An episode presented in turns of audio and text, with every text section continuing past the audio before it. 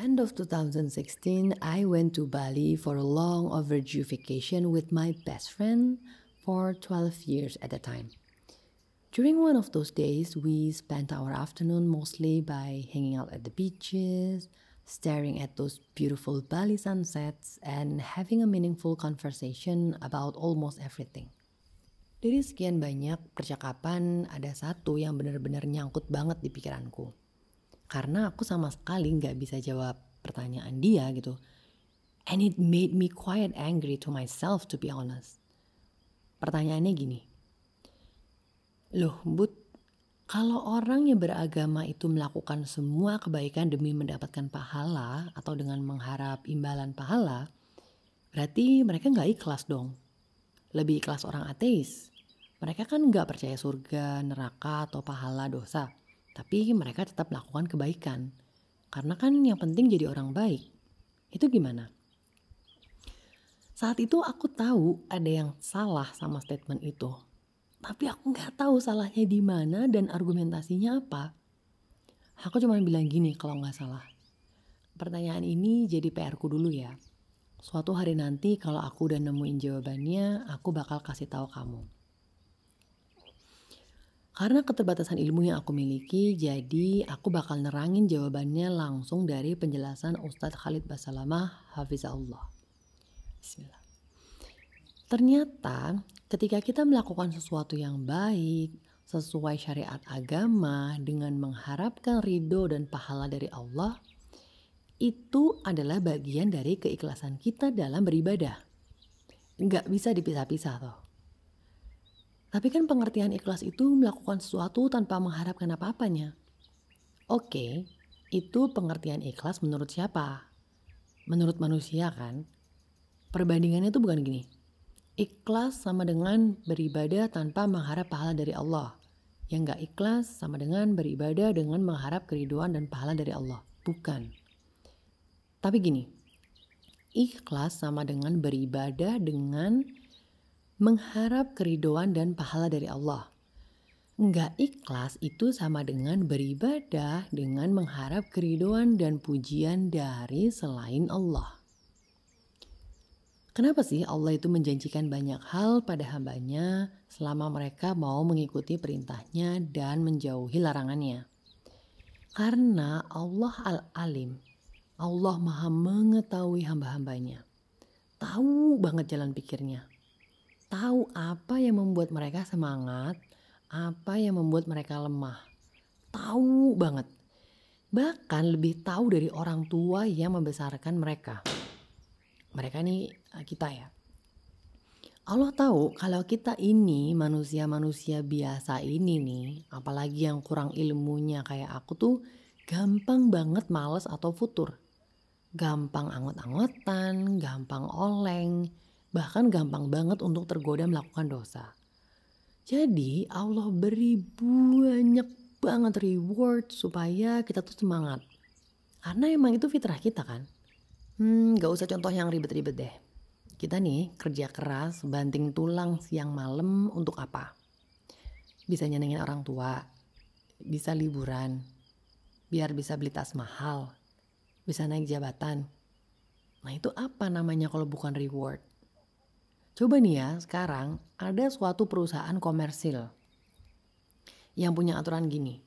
Selama lo kerja di sini, lo gak akan dapat gaji, nggak akan dapat cuti, nggak akan naik jabatan, waktu kerjanya normal 9 to 5, Senin sampai Jumat, dan apa yang kita kerjakan ini nggak merugikan orang lain kok, tenang aja dan bukan sesuatu yang jahat atau yang melanggar hukum. Kira-kira ada nggak yang mau kerja di situ? Aku rasa sih nggak ada orang yang mau ya. Alasannya yaitu, lah enak aja ownernya makin kaya. Nah gue dapat apa? Untuk urusan dunia aja nih, hidup kita itu dipenuhi oleh reward. And we live for it. Sejak kita masih balita dan sampai nanti kita tua. Oke, masalah pengertian ikhlas versi Allah dan versi manusia udah jelas ya insya Allah. Kalau masih ada yang ngeganjel di hati itu semata-mata karena sedikitnya ilmu yang aku punya dan terbatasnya kemampuanku untuk menjelaskan. Jadi cus buka kajian online dan sama-sama belajar lagi kita. sama-sama saling koreksi dan mengingatkan. Nah, tentang orang ateis yang melakukan kebaikan karena dia mau jadi orang baik, karena dia tahu hal itulah yang seharusnya dilakukan, pertanyaanku satu. Siapa yang menentukan standar kebaikan yang mereka lakukan itu? I mean, siapa yang nentuin mana yang baik, mana yang buruk untuk dilakukan? Selama ini orang-orang yang aku temui jawabannya gini. Berbuat baik itu ya semua yang menunjukkan kasih sayang terhadap manusia yang lain. Paling enggak ya yang gak ngerugin orang lain lah. Oke, kalau gitu aku ambil contoh yang paling simpel aja. Minuman keras nih. Untuk orang-orang ateis, minum minuman keras itu nggak apa-apa kan? Nggak dosa. Karena emang nggak ada konsep pahala atau dosanya. Toh juga nggak merugikan orang lain, nggak melanggar hukum juga. Nah, kalau minum nih terus mabuk atau berkurang kesadarannya, terus nyetir, gimana?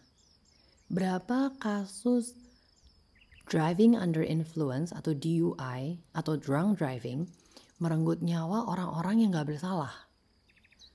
Tapi gue kalau mabuk gak akan nyetirnya. Oke, naik grab atau taksi atau numpang mobil temen lah ya. Terus jackpot di situ. Emang bakal langsung dibersihin? Terus belum lagi kalau ada orang yang mabuk tuh suka emosian gitu. Dan akhirnya berujung gelut. Apa nggak merugikan orang lain itu namanya? Tapi gue anaknya kuat kok, nggak pernah jackpot seumur-umur. Mabuk gue juga nggak rese. Oke, nggak nyetir, nggak jackpot, nggak rese, nggak ngerugin orang juga.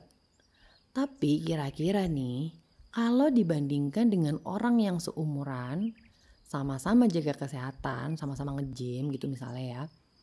Nah itu jantung, pankreas, hati dan lambungnya sama nggak kira-kira kualitasnya? Sama orang yang nggak pernah minum alkohol sama sekali gitu. Emang orang lain nggak rugi dalam hal ini. Tapi kita yang rugi, badan kita yang menurun kualitasnya. Padahal Allah lahirkan kita dengan organ yang alhamdulillah sempurna gitu. Terus kita rusak sendiri. Well, what I'm trying to say is, melakukan sesuatu yang baik tanpa perlu percaya tentang pahala dan dosa, itu nggak menjadikan kita lebih baik daripada orang yang melakukan amal kebaikan dengan mengharap pahala dari Allah. Karena kadang apa yang menurut kita baik dan nggak merugikan orang lain itu belum tentu benar-benar baik. Karena apa? Karena standar kebaikannya tuh nggak jelas.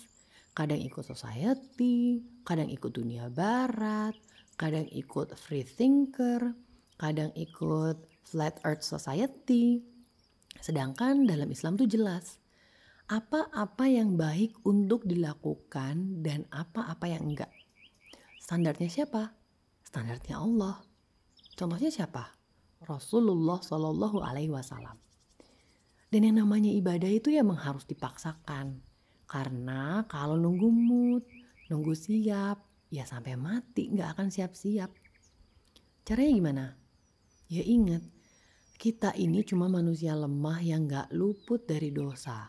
Dan salah satu cara untuk mengurangi dosa yang ngumpulin pahala.